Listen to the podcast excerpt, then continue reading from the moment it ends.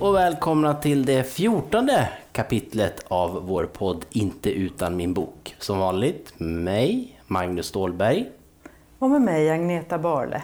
Och dagens gäst i tornet på Gamla brandstation är Rosa Gützle Hedin. Varmt välkommen Rosa. Kul att ha dig här. Tack så mycket. Vad roligt att vara här. Om ni bara visste hur mörkt vi har det här uppe i tornet idag. Det är en sån här riktig hösteftermiddag, eller hur? Ja.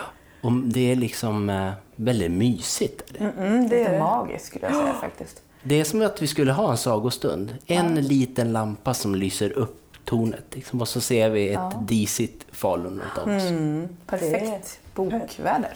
Bästa utsikten tror jag vi har just nu av samtliga. Tror jag.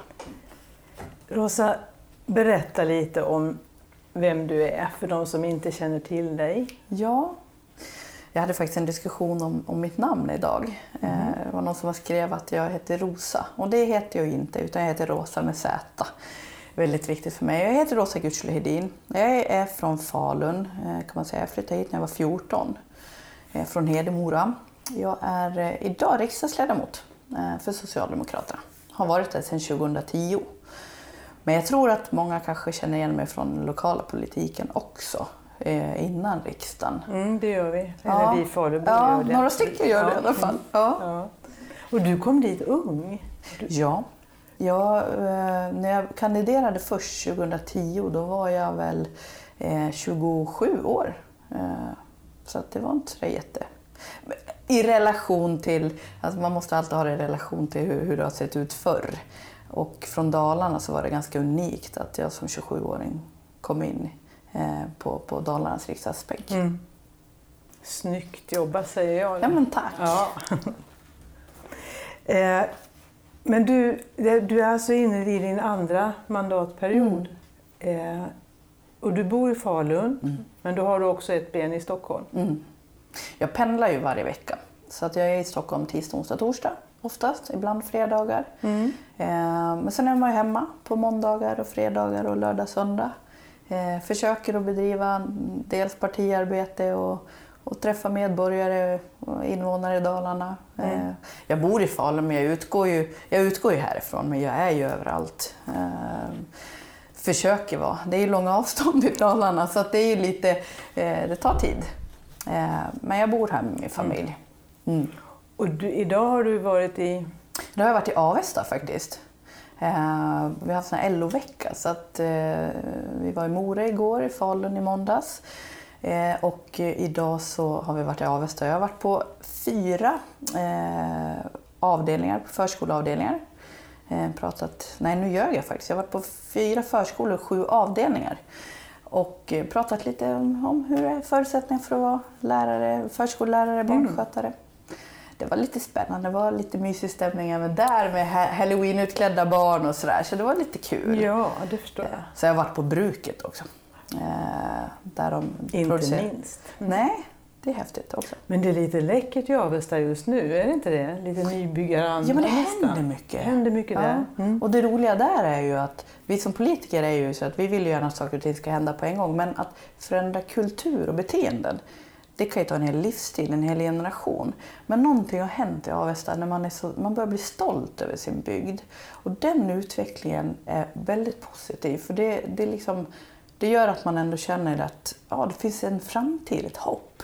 Människor vill bo i Avesta, man vill bo kvar i Avesta. Kul. Eh, så den stämningen, det, det, den, den känslan, eh, ja den är viktig. Såg du den invirkade bisonoxen? Nej, jag har inte sett den faktiskt. Nej. Jag har läst och sett, eller hört om den. Ja. Eh, men de har ju såna här Vicenter. Jag tror inte en, Ja, en, det är en åh, Vicent. Det är en Vicent. Det är ju så här urgammal tradition. Ja. Ja. precis. Vicentparken däremot har jag varit i. Enastående djur. Är det den där som Gott kött står, också, om man får säga så. Är det den som står vid eh, verket där nere? Den, Ja, det så den har de det. virkat in Ja, alltså. det var alltså en konstnär från, jag tror Polen, som kom till Avesta Art förra året och virkade in ett hus i Avesta. Och i år har hon, hon tyckte så mycket om den platsen Ja. så att i år återvände hon och virkade in den här Okej. Vicenten. Ja. Mm. Känns som att man måste tycka om att virka framför allt. Vi Det är kan ju väl kombinera jätte- Avesta och virkning Jag som knappt fick ihop en halsduk som var eh, längre än bred. Men du har försökt i alla fall Ja. och det tycker jag är bra. Ja, hur? Skulle inte ge mig på en Vicent känner jag däremot. Nej, inte ett hus heller. Ska vi gå till eh, vårt dagens ämne tycker ni? Eller? Det vanliga. Det äm- vanliga ämnet. Rosa, hur var det egentligen för di- dig när du var liten? Hade du eh, läsande föräldrar? Läste de för dig när du kunde sova och så? Ja, jag vill minnas att de gjorde det. Eh, och det borde de ha gjort eftersom båda är lärare, kan jag tycka. Eh, men däremot så, så har jag någon sån känsla i mig att, att eftersom jag är trespråkig, jag är både turkiska och kurdiska och svenska, Ja. så vet jag att det var lite olika typer av böcker. Det var turkiska böcker och det var kurdiska böcker. Så att, absolut, de läste för mig och jag fick höra eh, språket på olika sätt. Eh, och många av mina föräldrars vänner var också författare och, och liksom skrev mycket så politiska texter och sådär. Så att jag har ju haft det där med mig också sedan jag var barn. Så att eh, man har läst mycket för mig. Du fick tillgång till ett väldigt brett spektrum Ja. av böcker på det viset. Ja, det fick jag. Ja. Ehm, sen, är det ju, sen, sen var det en brist i att jag fick aldrig läsa, jag läste ju inte så mycket svenska böcker. Eh, mer än viss, alltså Pippi Långstrump som var översatt till kurdiska. Okej. Så, så att mycket av böckerna var ju kanske böcker som också fanns på svenska men det var ju, hemma läste man ju på turkiska och på kurdiska. Eh, men, men, men mina föräldrars val av böcker var ju alltid turkiska. Mm. Mm. Så att det där har ju varit lite så att jag har aldrig liksom haft den här att vi har suttit och pratat om böcker eller vad läser du? Och det är nu först när, när jag blivit äldre som vi kan börja dela lite grann. Det är intressant alltså. För jag tänker, för du måste börja ana, eller ana då att det finns massor med barnböcker som du kanske inte då fick tillgång till Precis. förrän, när dök, du hamnade väl, jag tänker i skolan när man började låna hem böcker och. Precis. Och då började jag läsa svenska böcker då när jag fick möjlighet att göra det. Men, men, men liksom allra, när jag var allra minst så att Nej. säga, då var det ju mest böcker som, som vi fick tillgång till genom biblioteket. Och, och jag har ju själv barn och eh, har ju varit till biblioteket och kollat de här hyllorna med turkiska och kurdiska. Och idag är det ju rätt begränsat. Så jag kan bara tänka mig hur det var då. Så att det var väl de här vanliga eh, verken som man... För det, allting handlar ju om att översätta, det handlade om att ta fram de här översättningarna. Det kostar ju pengar att finnas och, och föreningar och personer och så. Så att, eh, det är en brist. Eh, men för att kunna utveckla språket så är det jätteviktigt. Absolut. Jätte, jätteviktigt. Absolut. Jag tänker vi då som är uppfödda på Astrid Lindgrens böcker och eh, Lennart Hellsing likadant. Vad får barn i Turkiet, vad är man uppvuxen med där så att säga? Finns det någon sån här urförfattare Ja. som alla barn läser? Det är kul att du ställer frågan sådär, för då blir man ju också påminn om vad man läste. Det fanns en som hette Keloğlan, eh, killen som var flint. Eh, rent rakt översatt. Eh, och, och han var lite finurlig och, och hade massa saker för sig. Eh, och Keloğlan läste vi om och så fanns det Nasreddin Hoxha. Och Nasreddin Hoxha det är en sån där, ett urverk. Eh, han har funnits hela tiden. Eh, det är en gammal farbror som åkte, han, han red på en åsna bak och fram. Och också så här tokigheter för sig. Men du, nu kommer jag ju på en massa saker som jag har läst. Men Ja, mycket turkiskt. Ja. Ha, vad kul! Fast Pippi Långstrump fanns ju, finns ju så att man känner ju till. Även i Turkiet. Så Li- Ja, Astrid, Astrid Lindgren visste har... ni vem det var Mm, så att säga? Verkligen. Ja. ja, denna kvinna, jag säger bara det. Ja. Du, eh, när började du läsa av egen kraft då? Ehm, Och kommer du ihåg det? Nej, jag tror... Jag, det minnet jag har... Min, mina föräldrar prenumererade på en bokklubb. Jag tror det hette Läslusen. Jag kanske var nio år eller någonting då. Eh, det är det jag minns som mest. Men Tiden innan... Jag, jag, jag vet att jag var rätt snabb. Jag läste, liksom knäckte läskoden ganska tidigt. Men att jag började tycka om att läsa, det gjorde jag nog när jag var ungefär 9-10 år. När jag fick de här böckerna kontinuerligt och jag låste in mig på rummet och läste.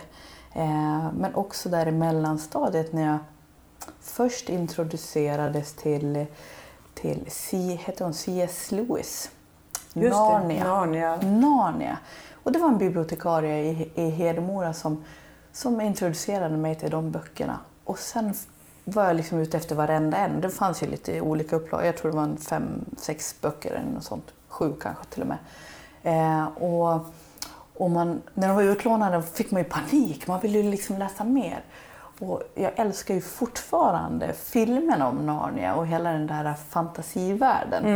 Och faktiskt så påminner biblioteket i Hedemora, skolbiblioteket som idag är stängt, lite grann om det här tornet. Det är det jag minns. Den här lite mörka känslan man går in i, det här lite mysiga. Mm, vad läckert. Ja, faktiskt. Så du satt där och läste Ja, också? ja det gjorde jag. Mm. Så biblioteket har du i ditt hjärta? Ja, det har jag. Eh, bibliotek är väldigt viktiga. Eh, ja, men samlad kunskap, eh, det finns så mycket fan, liksom fantasi, historia, allt det där. Eh, sen är jag ju en fantasifull person så jag tänker att det kanske är min egen, liksom, min egen sjuka hjärna som spökar. Eh, men, men jag skapar bilder av allt jag läser och så är det när jag läser böcker också. Jag vill gärna läsa sånt som gör att jag kan komma in i den världen och så skapar jag liksom Ja. Mm, det är som dörrar. Det är som, Ja. jag tänker i Narnia där du går in i ett Ja. skåp och sen kommer man ut i en helt annan Exakt, värld. en helt annan värld. Mm, det är läckert. Det tycker jag är mm, mysigt. Har du skrivit själv? Alltså, eller haft någon sån ambition, att, i och med att du har fantasi? Nej, det har jag inte. Det finns de som säger att jag är duktig på att skriva och att jag borde göra det mer ofta. Men det är ju utifrån mitt, det jag gör idag som politiker så skriver jag ju ganska mycket. Men nej, jag försökte mig på någon dagbok eller sådär men jag har inget tålamod. Det är det som liksom blir ett problem. Det går inte ihop med den, den ambitionen. Riktigt. Tids nog säger jag. Du ska se. Kanske. Ja, men jag har Det ligger och pyr ska du se. Ja, eh, däremot så är det en som har frågat om, om, om jag kan tänka mig utifrån liksom hela mina, mina föräldrars bakgrund och vägen till där jag är idag. Så var det faktiskt en, en fotograf faktiskt som, som frågade om, hon kunde, om vi kunde tänkas göra ett projekt ihop. Att, jag, att hon intervjuar och att vi liksom, eh, tänker tillbaks och, och ja, men visar det fantastiska hur världen kan komma att bli. Eh, eller livet. Eh, men jag har inte kommit så långt eh, så att jag, jag tror att det krävs en hel del innan man börjar eh, gräva ner sig i liksom sitt innersta, så i djupet. Eh, men, men någon memoar eller så, kanske någon gång. Lev på så ska du se att det, att det som händer i riksdagskorridorerna när det börjar bli lite mörkt. Nej.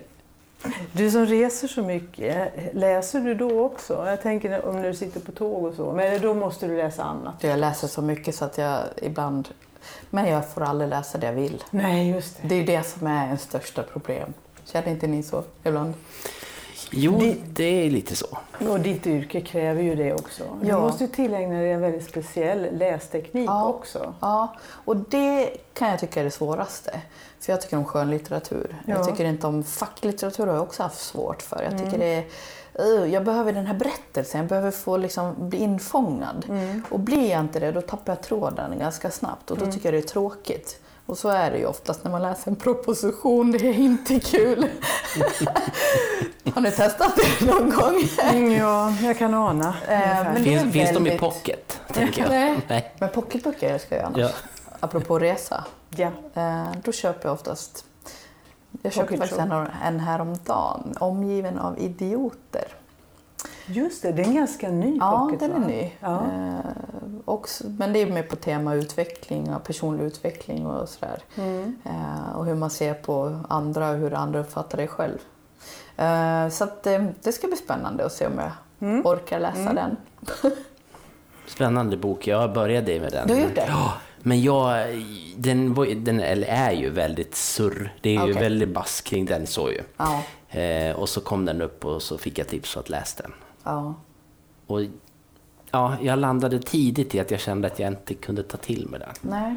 Men det är jättemånga som tycker den är fantastisk. Ja. Så, och att det är för dem. Men jag kände ju Du att kanske kan hoppa lite? Ja, men jag Precis tyckte det var svårt, man skulle dela in det väl fyra färger typ. Alltså. Och att man, människor är fyra färger. Och jag kände direkt att ja, jag känner ingen som inte var alla färgerna. Och sen kanske jag skulle ha läst mer för då kanske man får en djupare förklaring. Men jag kände att den lät så enkel. Men det var ett parentes, om en, men det är väldigt ompratad, ja. omtalad. Mm, mm. Men du Rosa, när du, när du någon gång får en liten stund över och mm. du har en roman framför dig i ditt knä, var sitter du helst då?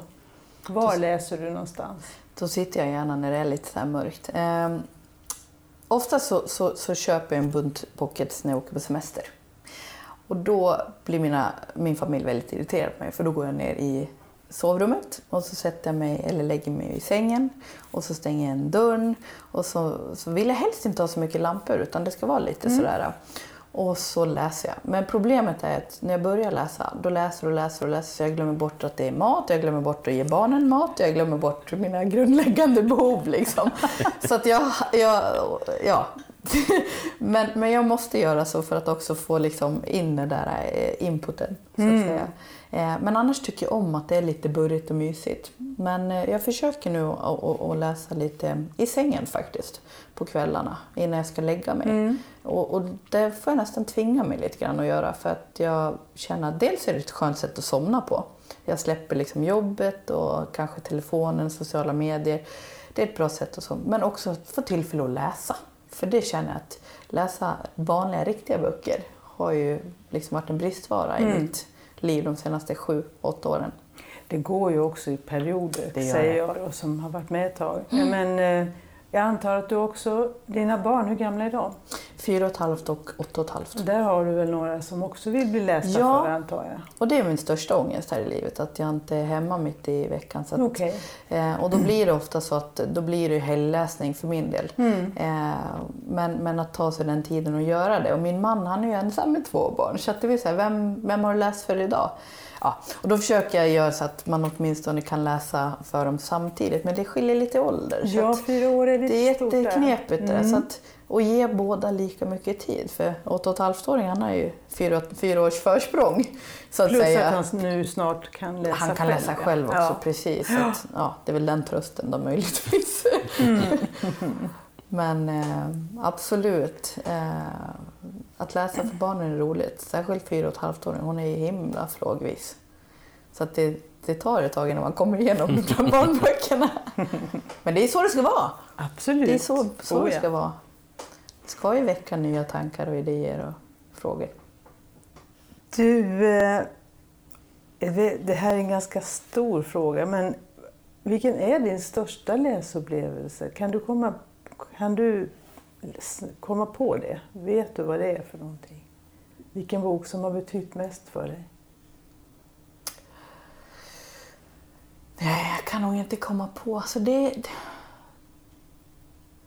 Skulle, skulle jag rada upp alla böckerna mm. som jag någon gång har läst mm. så skulle jag definitivt kunna peka ut den här var det. Eh, men jag kan inte peka på någon sån tydligt.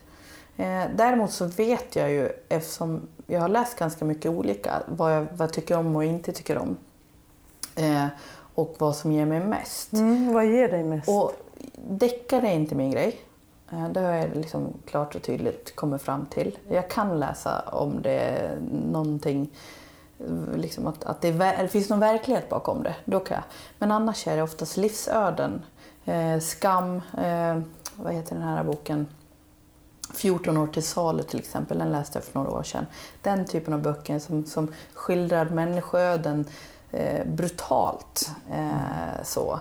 Eh, Kvinnorna i Kabul. Precis, den har jag läst också. Mm. Den typen av böcker. Eh, Flyga drake, mm. också en sån där fantastisk bok. Det finns flera. Eh, Blomma, nej, vad heter den? Genin. Ja, eh, jag kommer knappt ihåg vad de heter. Nej. Men böcker som handlar om, om, om människor, eh, oftast krig. Eh, sånt som berör, som, som, som gör mig ledsen och som jag egentligen inte vill läsa. Just därför. Eh, men det är den typen av böcker som, som lämnar mest. Och jag mm. kan bli väldigt låg av böcker också. Att jag tar in för mycket, att jag mm. tänker. Och det är därför jag måste läsa ut en bok på en gång, annars går jag och grubblar över det där. Vad hände?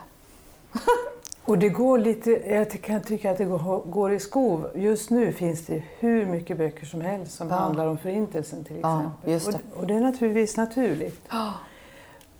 Men jag tror att det var för kanske ett par kapitel sen så kände jag Ge mig en rolig bok. Jag Ja. måste ha någonting som jag blir glad av. Och det är banne mig inte så lätt att Nej. hitta det. Min gruppledare brukar ge oss eh, eh, sommarböcker och julböcker så här, inför varje avslut. Och nu i somras så gav hon en, mig en bok om, om en, en kryssning. Den är brutalt hemsk för den, den är... Ja, man vill tydligen inte ens åka båt efter den. Jag har inte läst jag har inte vågat läsa den. Och då tänkte jag varför gav hon mig en sån bok? Och det var förklaringen att, vet du Rosa, du behöver göra någon, eller liksom tänka på någonting helt annat, overkligt, som inte finns. Zombies finns inte. Det var lite spök Spöken och lite så- va? ja, Jag tror det var precis. han som har skrivit Cirkeln. Ja, det är en svensk Ja, Mats författare. Strandberg va? Mats Strandberg. Just det. Just det, så det är en, kryssningen eller något Ja, ja. sånt där heter den. Ja. Eh, Och jag har inte börjat läsa den än. Men, men just för att, precis som du säger, att ge mig en rolig bok, ge mig någonting annat. Men jag dras ändå till de här hemska skil. Jag vet inte varför. Det är ett så självdestruktivt beteende på något vis. Ehm, det finns en bok som jag vill läsa som handlar om Syrien, men den vågar jag inte heller ta tag i. Så jag har mycket, många böcker som, jag, som väntar, men som jag inte är redo för att ta tag i. Har du någon favoritförfattare?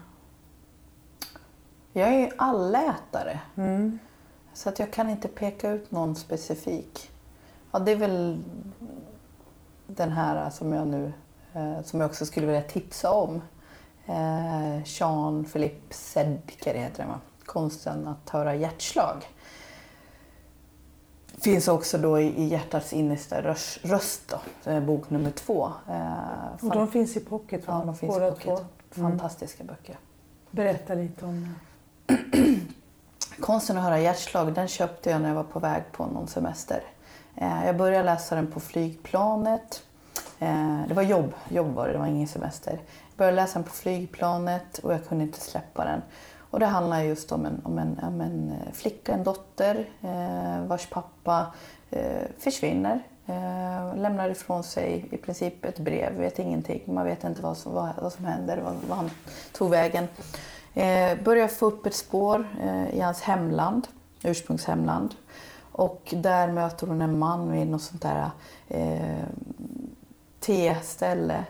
Och den här personen börjar ställa eh, mystiska frågor och börjar ge henne svar också. Eh, svar om hennes pappa som hon aldrig ja, hade vi känt till. Eh, och så börjar berättelsen om pappan då.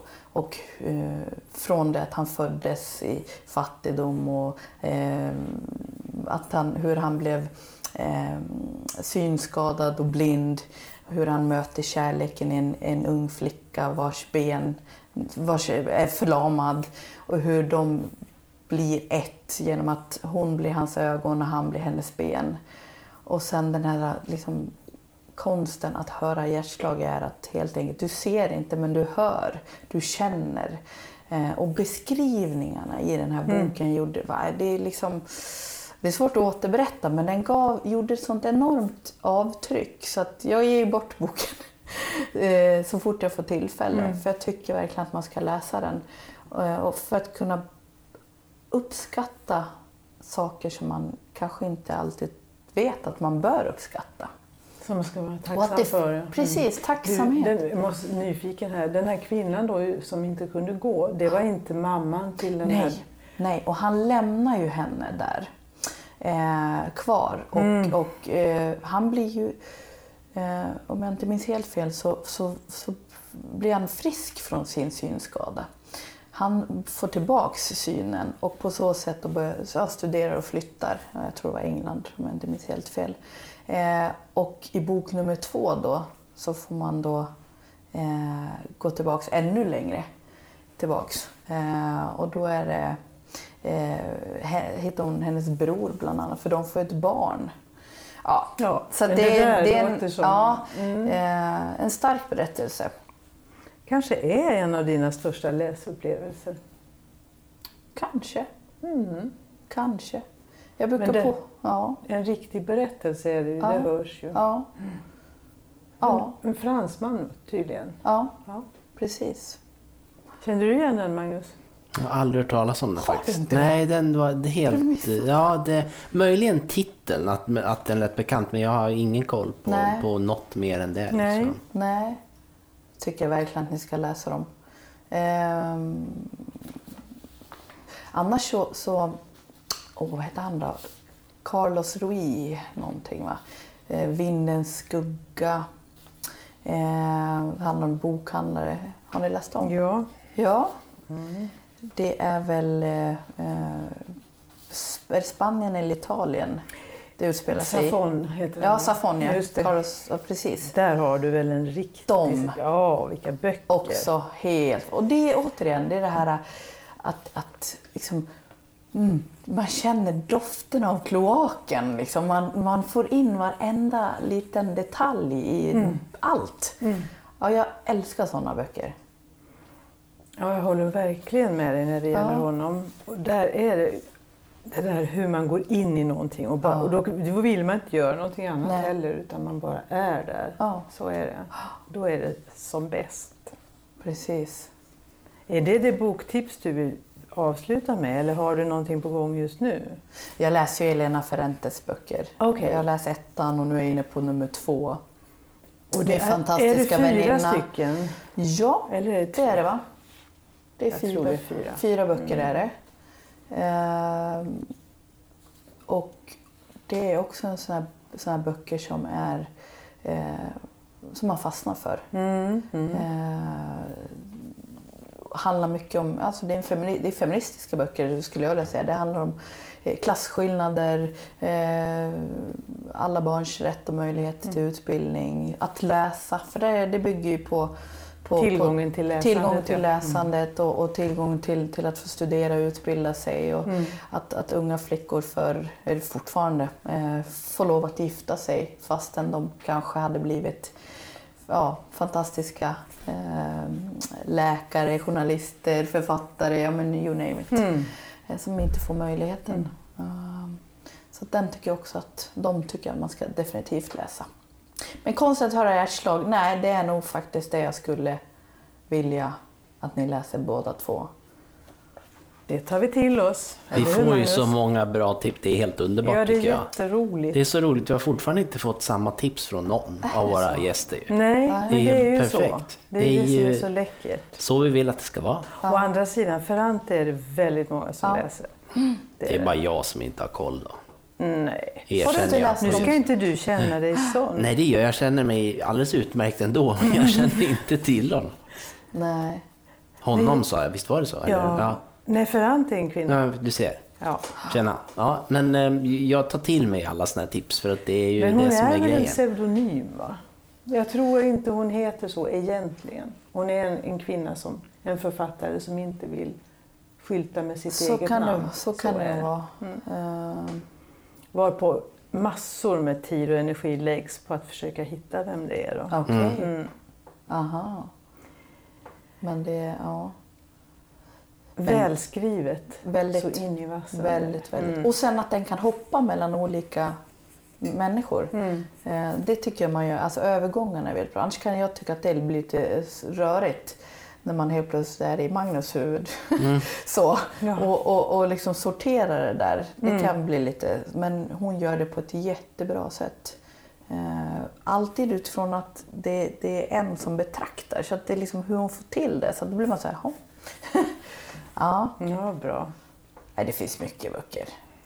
Ska vi klämma till med en alldeles ny bok, Magnus? Ja, Vill du tipsa om en? det föll på min lott. Ja. Ja, och då ramlade jag in på, vi har ju pratat om det några gånger, min, eh, min kamp mot att eh, ta mig an böcker som är tjocka. Som jag har haft ända sedan jag var liten tror jag. Jag vill ju, önskar ju att jag kunde liksom gå igång när jag ser en tjock bok och tänka åh vad bra och långt och härligt det här kommer att bli. Men det har jag svårt för. Eh, men ibland försöker jag i alla fall. Men nu hittade jag en nyutkommen novellsamling av en norsk författare som Du gillar norska författare? Ja, jag är ju fjär- fjärdedels norsk, så det kanske är därför. Eh, och det är en, en författare som heter Kjell Askildsen. Eh, och han är född 1929 och anses vara en av, av eh, den norska litteraturens främsta novellister. Hoppla. Så beskrivs han. Eh, och jag hade aldrig hört talas om honom och jag älskar sånt här när det kommer helt nya saker. Så. Eh, och, och, och har, har läst den här och det, den består, boken heter noveller så det är ju Det var ju tydligt. Ja, man har samlat ihop eh, noveller från olika tidigare utgåvor, som novellutgåvor som man har gjort då. Eh, Och eh, Highlights. ja, det kan man nog säga att det är.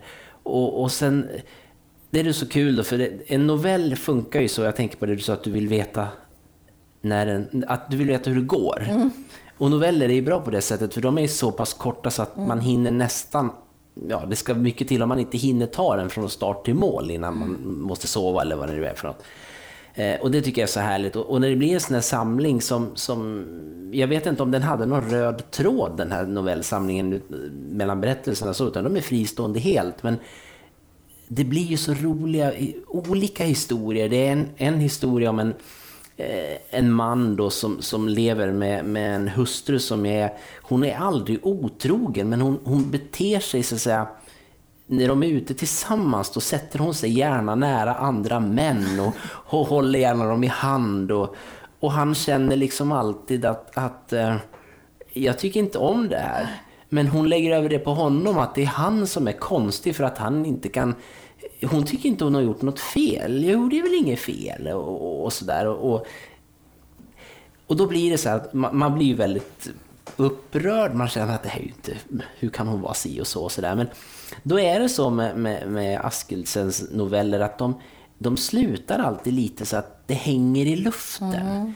Det, det kan vara så att, att eh, huvudkaraktären tar någon slags beslut som man får veta, men det är inte alltid att det är ett sånt här ja, jag gör det, eller nej, jag gör det inte beslut, utan det är typ att jag bestämmer mig för något.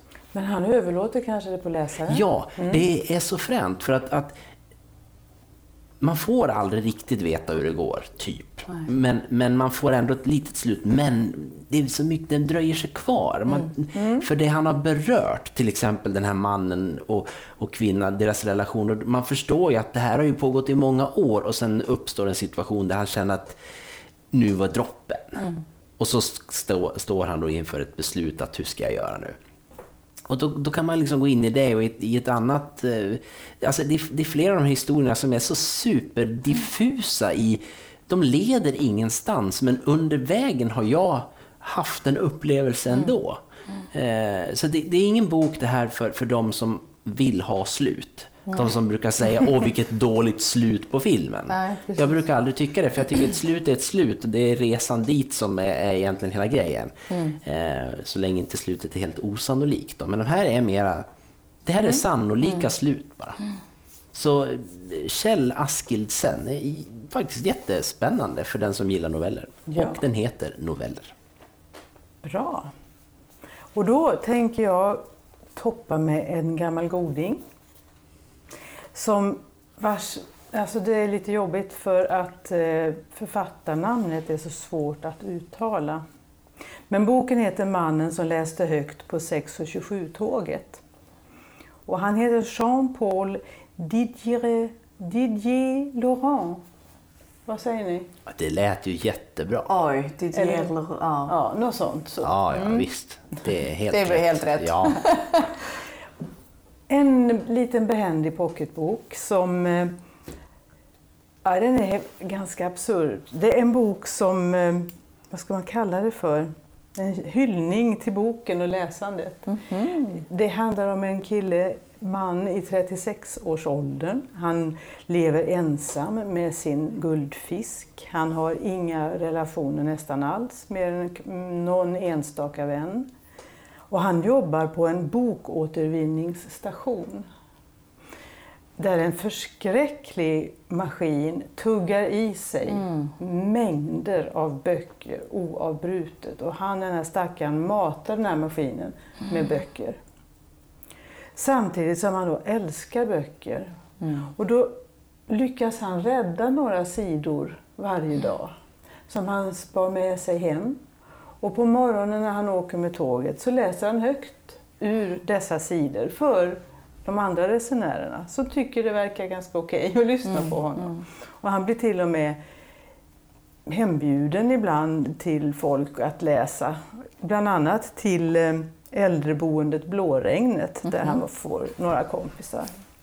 Och en dag på tåget så hittar han ett USB-minne som visar sig innehålla dagboksanteckningar av en ganska ung kvinna som heter Julie. Och han blir betagen i det hon skriver. Hon, visar, hon i sin tur jobbar som städerska eller toalettvakt på ett varuhus någonstans. Och det framgår inte var. Och då, upp, då gör han naturligtvis allt försöker för att hitta den här kvinnan. Det är en väldigt betagande bok. Jag tycker den är...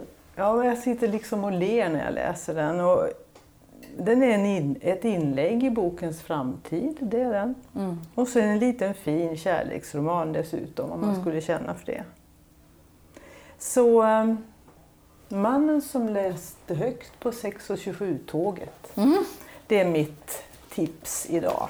Det är typiskt också en sån där bok som jag skulle plocka åt mig när jag ska åka ett tåg eller resa. Det här när man går in i bokhandeln eller pocket shop eller någonstans på Centralen. Och då rycker jag åt mig något sånt. Då är det titel eller så. Hur tänker så. du där?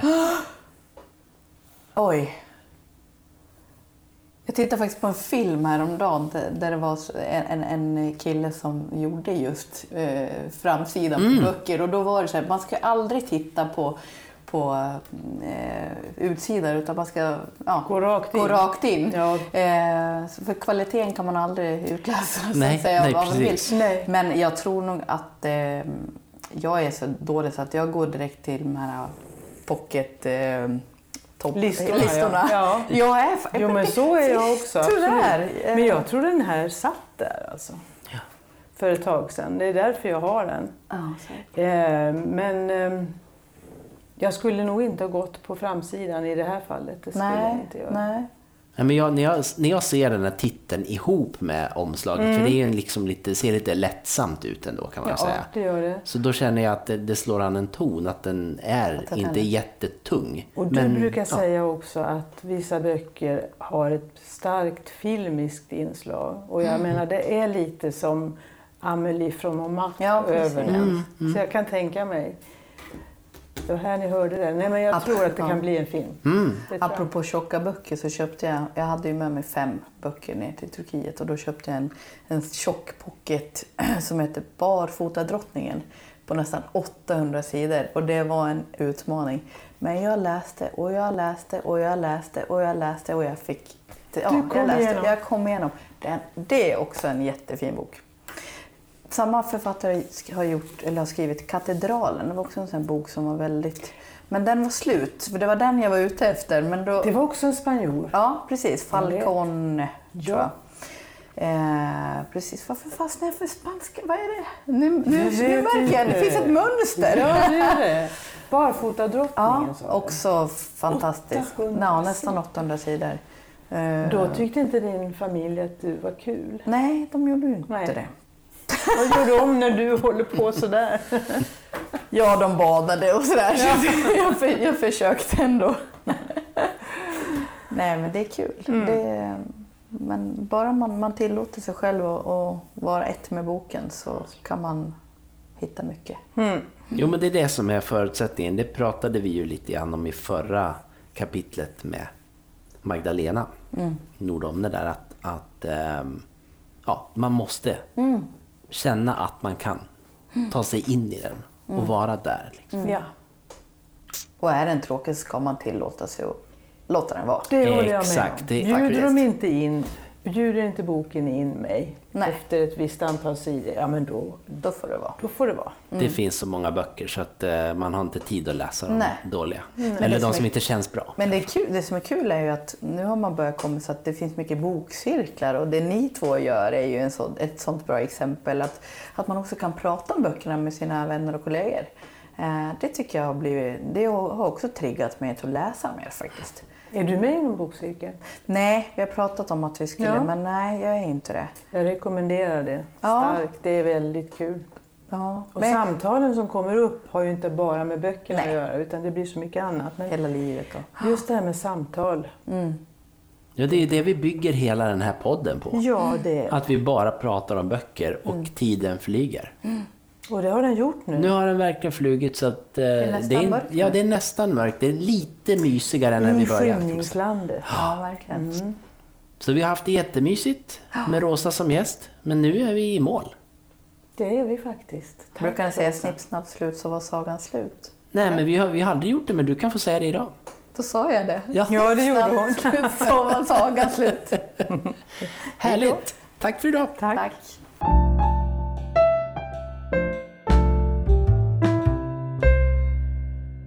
Du har lyssnat på ett avsnitt av podden Inte utan min bok som produceras av Magnus Stålberg och Agneta Bale. Mer information om avsnitten hittar du på skrattpiller.se inte utan min bok. Vi finns också på Facebook där vi heter Inte utan min bok och på Twitter också. Även där heter vi Inte utan min bok. Tack för att du lyssnade!